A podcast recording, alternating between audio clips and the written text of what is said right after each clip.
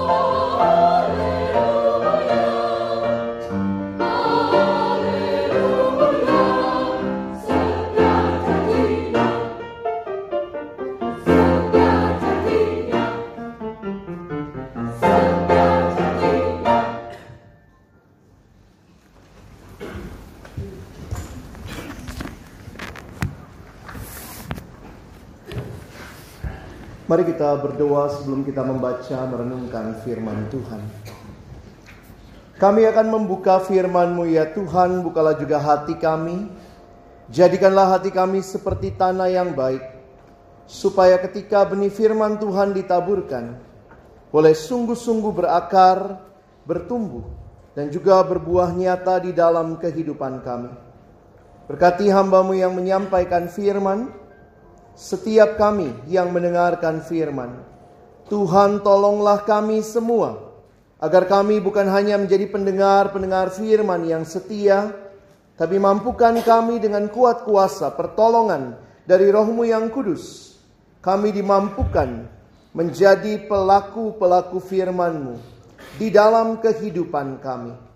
Bersabdalah ya Tuhan, kami umat-Mu sedia mendengarnya di dalam satu nama yang kudus, nama yang berkuasa, nama Tuhan kami Yesus Kristus.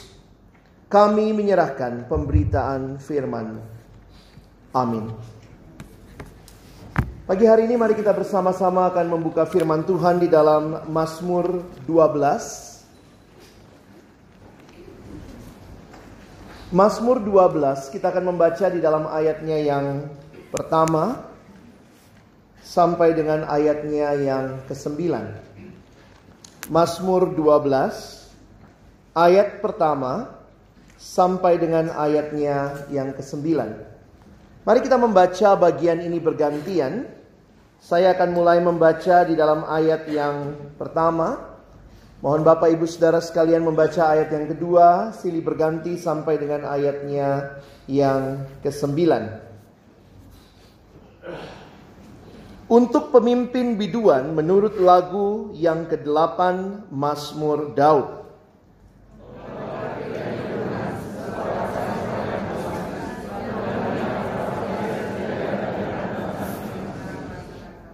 Mereka berkata dusta yang seorang kepada yang lain. Mereka berkata dengan bibir yang manis dan hati yang bercabang.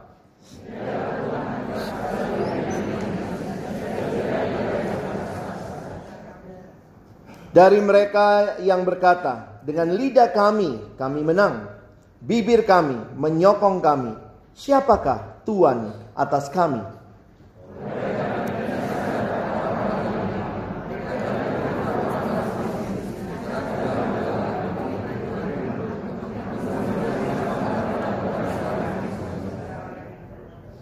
Janji Tuhan adalah janji yang murni, bagaikan perak yang teruji tujuh kali dimurnikan dalam dapur peleburan di tanah.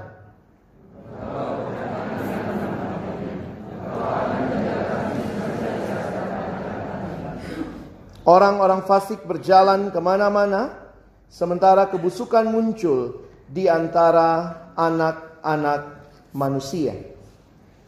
Sedemikian jauh pembacaan firman Tuhan, berbahagialah kita yang bukan hanya membaca tetapi merenungkan, melakukan dalam hidup kita. Saudara yang dikasihi Tuhan, ada pepatah atau ada ungkapan yang sering kali kita dengar ketika seorang membuat janji. Kita bilangnya, ah itu janji-janji surga. Apa yang dimaksud Ketika orang berkata, "Ah, yang kamu omongkan itu, yang kamu katakan itu hanya janji-janji surga." Sebenarnya kalau orang berbicara demikian, orang itu nggak percaya sama saudara bahwa saudara akan bisa menepati janji itu. Tapi sering kali istilah ini akhirnya sudah menjadi sebuah istilah kebohongan Oh, kamu bohong, cuma janji-janji surga. Jadi sebenarnya ada atau tidak janji-janji surga? Pagi ini kita akan melihat sama-sama seperti tema yang diberikan kepada kita pure promises. Janji-janji yang murni. Janji-janji yang di dalamnya saudara dan saya bisa menyerahkan hidup kita, bersandar kepadanya, mengandalkannya. Inilah janji Tuhan. Dan itu janji-janji surga. Kontras demikian juga terlihat dalam Mazmur yang kita baca. Kalau Bapak Ibu memperhatikan Mazmur 12, para penafsir Alkitab mengatakan ini adalah sebuah ratapan sebuah mazmur keluhan, lament. Sebagai doa kepada Allah, Daud menyatakan sebuah realita hidup yang tidak mudah. Secara khusus kalau kita perhatikan ada orang-orang yang waktu itu dengan perkataan-perkataan mereka menjadi perkataan yang berbohong, membual, serong dengan motivasi yang tidak benar. Saudara perkataan ini sangat penting dalam hidup ya. Kalau kita lihat katanya wanita bicara tiga kali lebih banyak dari pria. Saudara setuju itu? Bapak Ibu langsung lihat istrinya ini. Pria bicara kira-kira katanya 7000 kata per hari. Wanita tiga kali lipat. 21 ribu berarti kira-kira. Jadi bapak-bapak kasih waktu dengarkan istri kalau pulang kantor ya. Bayangkan kalau bapak-bapak, ibu-ibu ini dalam keluarga pagi-pagi bapaknya udah pergi, 7000 kata itu udah habis di kantor kali ya bapak-bapak kalau mimpin dan segala macam rapat. Pas pulang sampai rumah jam 5 sore, jam 6 sore, ibunya itu mungkin baru baru seribu yang tadi pagi. Ini masih ada 20 ribu yang akan dia sampaikan ya. Di Bapak Ibu kasih waktu saling mendengar. Itu adalah hasil penelitian. Katanya wanita berbicara tiga kali lebih banyak dari pria. Tetapi ketika Daud melihat realita yang terjadi dalam dunia yang dia hadapi, dan saya pikir juga ini dunia yang saudara dan saya hadapi saat ini, begitu banyak perkataan-perkataan yang disampaikan. Saudara lihat di dalam ayat yang kedua. Daud berkata, "Tolonglah kiranya Tuhan, sebab orang saleh telah habis, telah lenyap orang-orang yang setia dari antara anak-anak manusia." Salah seorang penafsir Alkitab mengatakan begitu mengerikannya situasi yang Daud alami. Sampai akhirnya cuma ada satu kata yang dia sampaikan. Tolonglah. Daud berharap kepada Tuhan. Tolonglah kiranya Tuhan. Dan perhatikan ayat yang ketiga. Mereka berkata dusta, yang seorang kepada yang lain. Mereka berkata dengan bibir yang manis dan hati yang bercabang. Bukan hanya itu, bukan hanya perkataan yang dikeluarkan, tapi lihat motivasi di dalam hati. Ayat yang keempat, biarlah Tuhan mengerat segala bibir yang manis dan setiap lidah yang bercakap besar. Saudara perhatikan ayat 5 dari mereka yang berkata, ini bicara lebih dalam lagi motivasi mereka. Dengan lidah kami, kami menang. Bibir kami menyokong kami. Dan istilah siapakah Tuhan atas kami adalah sebuah istilah yang mau mengatakan siapa yang bisa mengatur kami. Saudara, mungkin ini adalah Mazmur yang dituliskan, ada yang mencoba menafsirkannya di dalam pergumulan Daud menghadapi musuh-musuh yang mau menyerang dia. Inilah realita di sekitarnya. Kalau saudara perhatikan memang mulut ini luar biasa saudara ya. Jaga baik-baik, hati-hati menggunakannya. Ada yang mengatakan Tuhan memberikan kita dua telinga, satu mulut. Supaya kita mendengar dua kali lebih banyak daripada kita berbicara. Seharusnya demikian. Kalau kita perhatikan hanya dengan perkataan bisa terjadi peperangan. Betul? Nggak usah di rumah ya, kalau di rumah udah pasti gitu ya. Bahkan dua negara ketika pemimpinnya menyampaikan sesuatu saling menyerang dengan kata-kata bisa menimbulkan peperangan. Realita ini Daud alami, pergumulan di tengah-tengah hidup yang tidak mudah, bahkan kata-kata yang begitu banyak disampaikan, kata-kata yang tidak dengan motivasi yang benar, sehingga pertanyaannya, adakah harapan dalam situasi seperti ini? Di dalam situasi seperti ini, perhatikan bagaimana Mazmur ini mengkontraskan dengan perkataan Tuhan. Perkataan manusia terbatas sekali, saudara. Perkataan manusia terbatas dengan motivasi yang tidak benar, bisa menyulut pertengkaran, banyak dusta di dalamnya, tidak bisa diandalkan janji-janji surga. Tapi Daud mengingat janji surga yang sesungguhnya. Saudara lihat di dalam ayat yang keenam. Oleh karena penindasan terhadap orang-orang yang lemah, oleh karena keluhan orang-orang miskin. Ada yang mengatakan di tengah-tengah situasi yang sulit, sebenarnya yang lebih sulit adalah orang-orang yang ada di bawah. Inilah orang miskin, orang lemah, situasi itu pun mereka alami. Perhatikan, sekarang juga aku bangkit firman Tuhan Aku memberi keselamatan kepada orang yang menghauskannya, orang yang merindukannya, orang yang dengan sepenuh hati mengharapkannya. Kadang-kadang waktu Indonesia lagi krisis moneter, saya nggak tahu sampai sekarang kita masih menganggap krisis nggak. Kadang-kadang orang bilang wah lagi krisis nih, tapi bagi bapak ibu yang mungkin masih punya pekerjaan, masih punya rumah, masih punya usaha yang berjalan, walaupun mungkin untungnya tidak seperti dulu, tapi ada orang-orang yang lemah, orang-orang yang tertindas oleh sistem-sistem termasuk sistem ekonomi, mereka mengalami pergumulan yang lebih dalam dari kita. Dan bagi orang-orang seperti ini, kita lihat andalan mereka bukanlah perkataan manusia, tetapi Daud mewakili dengan mengatakan, "Sekarang juga aku bangkit firman Tuhan, aku memberi keselamatan kepada orang yang menghauskannya."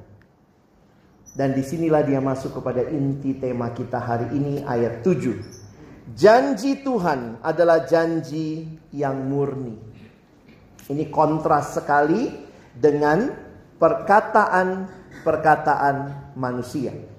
Janji-janji surganya manusia. Lihat sebentar. Janji Tuhan adalah janji yang murni, bagaikan perak yang teruji. Tujuh kali dimurnikan dalam dapur peleburan di tanah. Sistem dapur peleburan itu dikenal sejak masa itu. Bapak Ibu bisa googling, bisa mengecek dari ada seperti dari tanah begitu dibuat begitu rupa menjadi tempat di mana perak dimurnikan. Saudara itu suhu untuk memurnikan perak itu mencapai 1200 derajat Celcius. Kadang sekarang kalau beli minyak, minyak goreng, senengnya yang berapa kali penyaringan? Dua kali penyaringan, tiga kali penyaringan. Ini Daud menggambarkan janji Tuhan dengan gambaran janji yang murni bagaikan perak yang teruji yang sudah melewati tujuh kali dimurnikan dalam dapur peleburan di tanah. Di tengah-tengah dunia yang tidak ada hal yang bisa diandalkan. Di tengah dunia yang tidak ada satupun perkataan yang bisa dipegang selamanya. Maka janji Tuhan menjadi pengharapan orang-orang percaya. Kadang kita sulit mengerti janji Tuhan. Karena kita mungkin lagi fokus sama pergumulan-pergumulan kita. Saudara perhatikan, di balik janji Tuhan, maka perhatikan ada Tuhan yang berjanji. Alkitab bukan hanya bicara janji Tuhannya, tetapi bagi saya yang jauh lebih penting adalah Tuhan yang berjanji. Kenapa kita percaya janji Tuhan? Karena kita percaya kepada Tuhan. Bahwa dia Tuhan yang berjanji, karakternya adalah karakter yang Allah adanya. Kenapa saudara percaya sama orang ini, nggak percaya sama orang itu? Kenapa kalau yang ini ngomong saudara percaya, yang ini ngomong saudara nggak percaya? Saya pikir bukan masalah omongannya saja, karena omongan bisa diatur, dimanis-manisin. Tapi masalahnya apakah saudara percaya kredibilitas orang tersebut?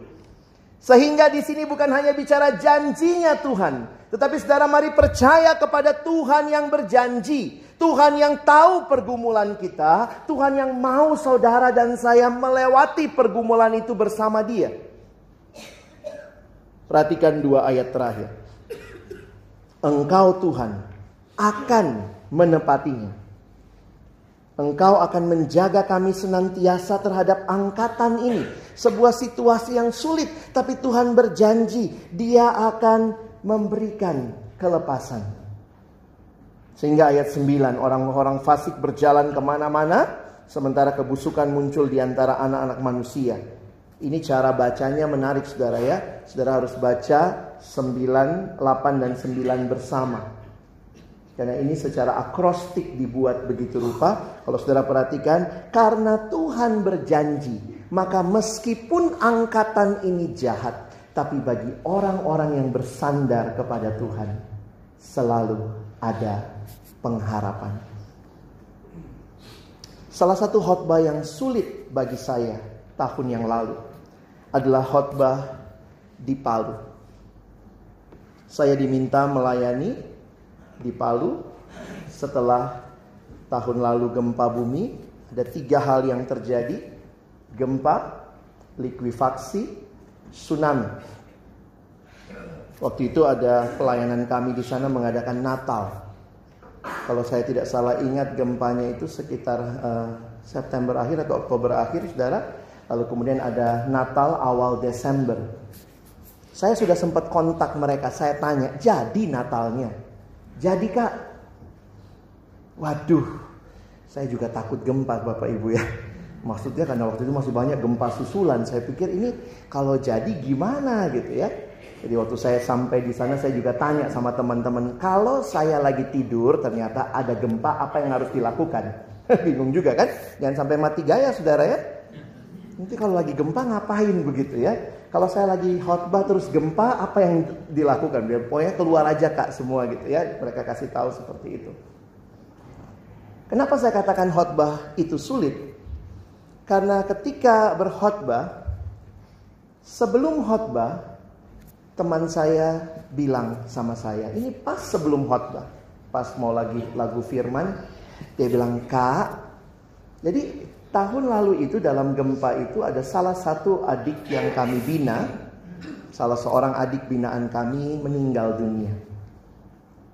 Dia meninggal dunia uh, tidak ditemukan mayatnya, tidak dikenali tepatnya, yang ditemukan motornya. Jadi kemudian akhirnya orang cuma meyakini mayat yang paling dekat sama motor itu adalah dia. Jadi kemudian karena uh, sudah sulit dikenali karena dia kena tsunami-nya ya. Jadi akhirnya ditaruh di kuburan massal. Yang sulit bagi orang tuanya, bagi mamanya adalah menerima kematian anaknya, tidak mudah. Bahkan mamanya masih berharap anaknya selamat. Karena belum pernah lihat jenazahnya hanya ketemu motornya. Ya tapi buat kita yang tahu ya sudah tidak ada. Jadi kemudian dalam pemulihan mamanya sulit buat mamanya untuk meyakini kebaikan Tuhan, percaya pada kebaikan Tuhan.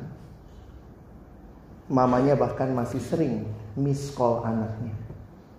Karena kalau telepon kayaknya masih bunyi di sana begitu ya. Bunyi nada tunggu, tapi tidak ada yang angkat. Dan kenapa saya katakan sulit sekali lagi? Sebelum saya naik khotbah, teman saya bisikkan saya.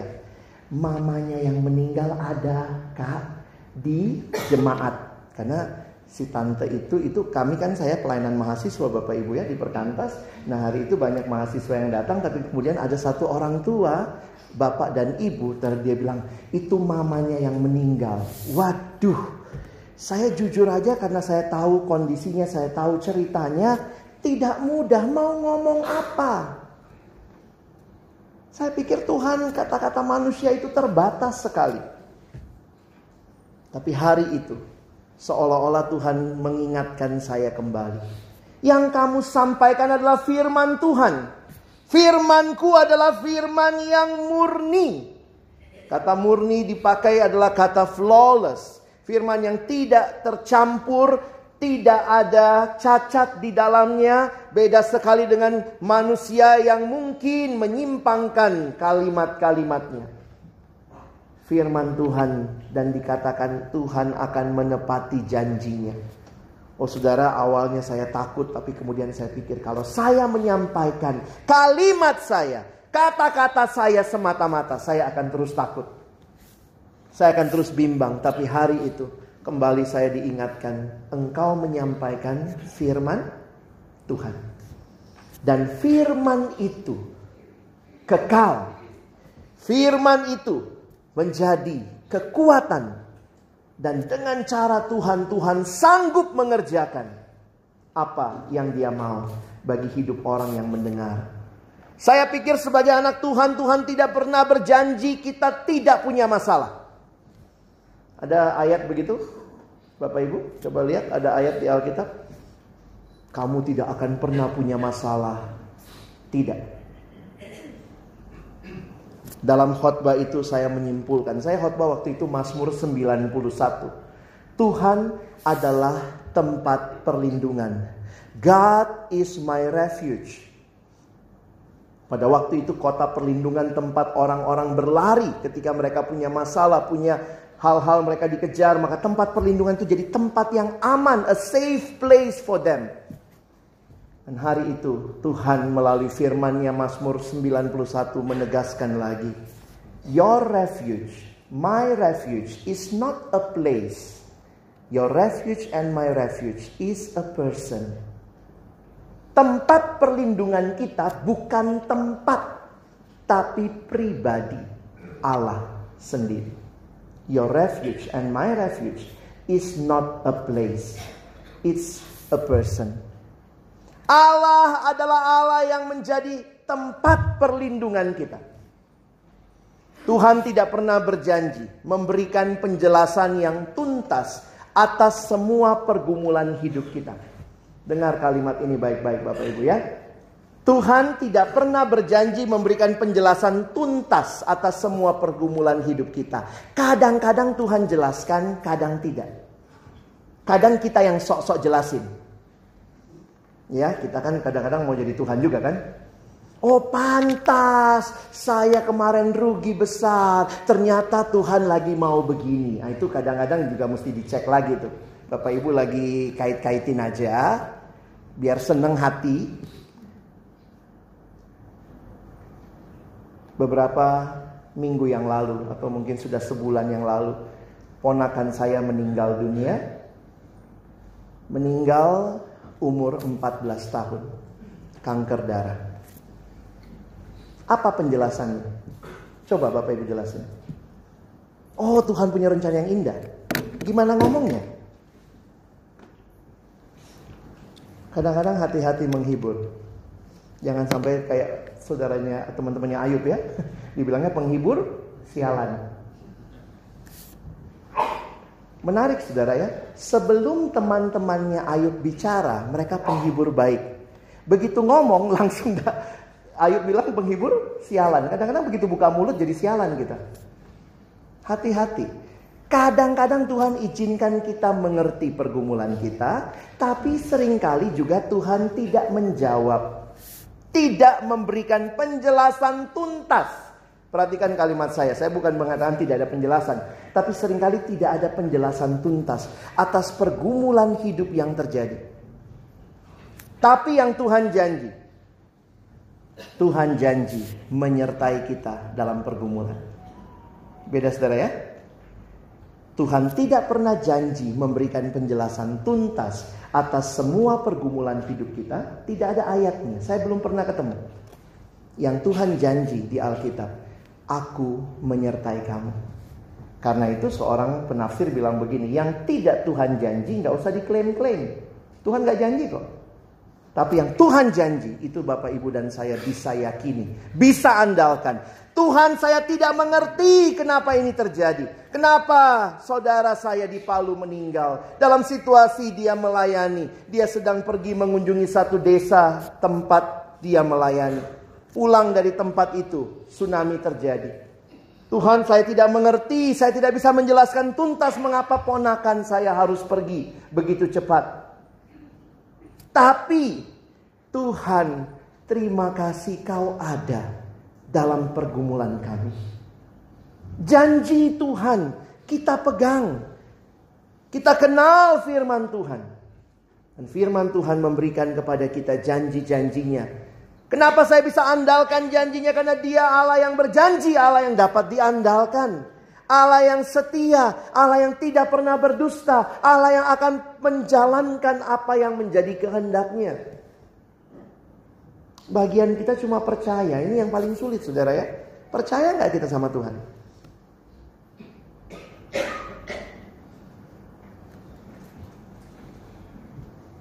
Waktu mengalami pergumulan hidup, apa fokus Bapak Ibu Saudara? Kita fokus kepada Tuhan dan firman-Nya kita fokus kepada dirinya atau kita lagi fokus sama pergumulan kita? Bapak Ibu saya bisa main sulap ya. Dalam hitungan ketiga saya akan bikin semua Bapak Ibu hilang. Siap ya? Ini pendeta atau tukang sulap? Yang datang sama suami istri pegang tangannya. Jangan sampai hilang ya. Dalam hitungan ketiga saya akan membuat semua Bapak Ibu hilang. Siap? Gak usah tegang. Satu. Dua. Tiga. Semua Bapak Ibu hilang.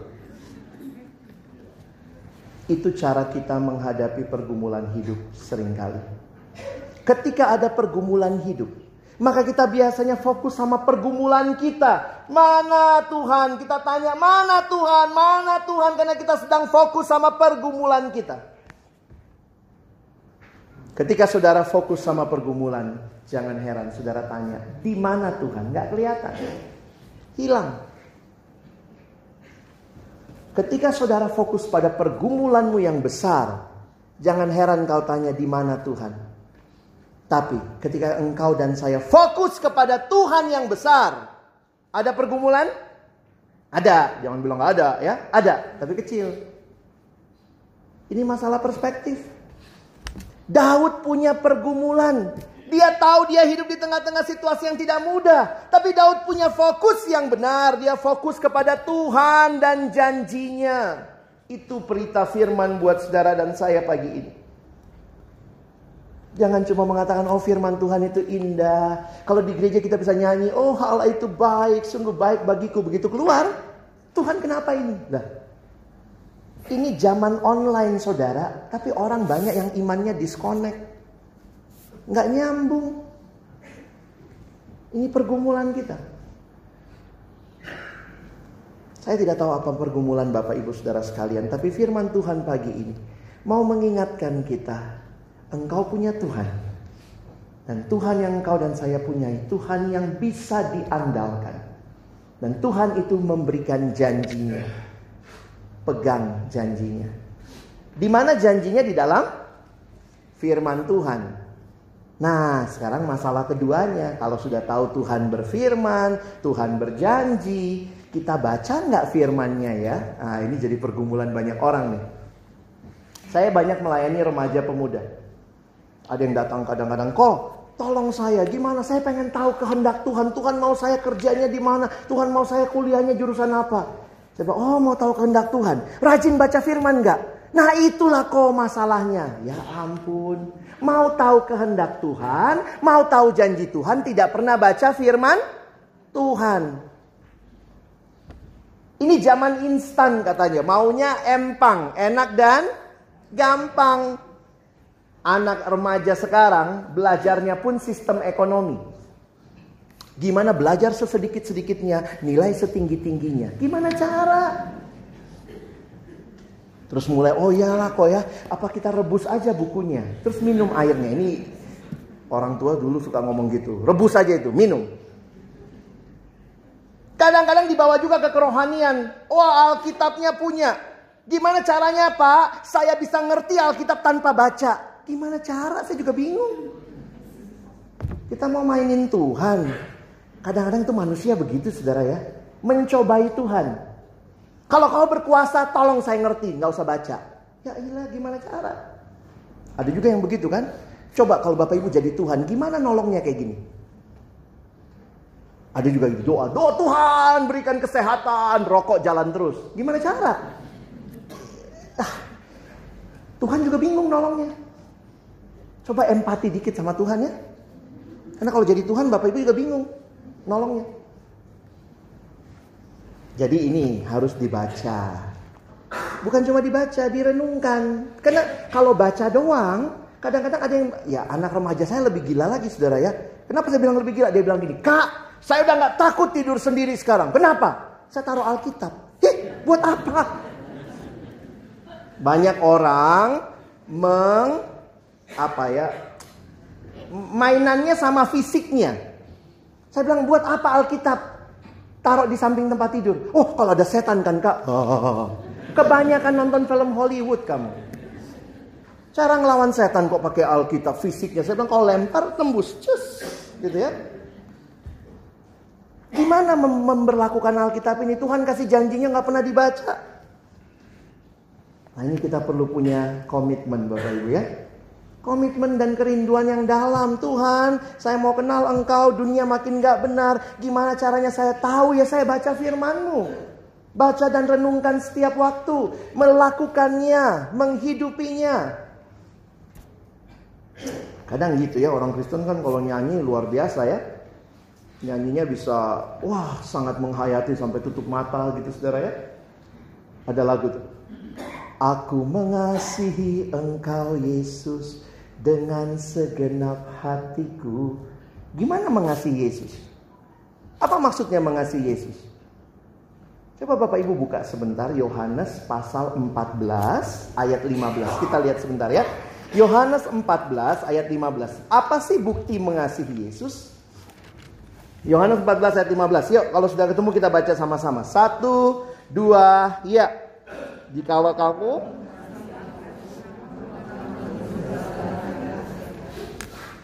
apa ini? Kalau mengasihi aku, menuruti segala. Jadi ternyata mengasihi Yesus bukan masalah seberapa besar Alkitab saudara. Mau Alkitabnya segede ini juga, ya, gede banget nih ya. Ini dipakai, dibuka terus tidur di atasnya juga nggak akan berguna kalau kita tidak menuruti firmannya. Menurutinya gimana kalau nggak pernah dibaca? Ini jadi pergumulan juga. Banyak orang mau mau nikmati janji Tuhan, tapi Tuhan janji apa nggak pernah dibaca. Mengasihi Yesus bukan masalah berapa besar foto Yesus di rumah saudara. Oh pak, saya di rumah ada foto Yesus tiap kamar. Tiap kamar taruh salib. Kita kebanyakan nonton film Hollywood nih. Pikirnya kalau lawan setan pakai salib gitu ya. Terus kemudian apa nanti tikam dada kirinya. Wah gitu nanti dia berasap-asap. Baca firman. Aku mengasihi engkau Yesus dengan segenap hatiku. Gimana buktinya? Apa referennya bilang? Ku renungkan firmanmu siang dan malam padahal nggak pernah. Ku pegang perintahmu dan ku lakukan asal nggak susah. Engkau tahu ya Tuhan tujuan hidupku hanyalah untuk menyenangkan hatimu dan hatiku. Gimana kalau kayak begini? Saya tidak tahu bagaimana Bapak Ibu, saya tidak mau menghakimi ya. Tapi saya sungguh berharap nikmati janji Tuhan. Baca dan renungkan firmannya tiap hari. Jangan cuma hari minggu tiba-tiba kudus mendadak kudus.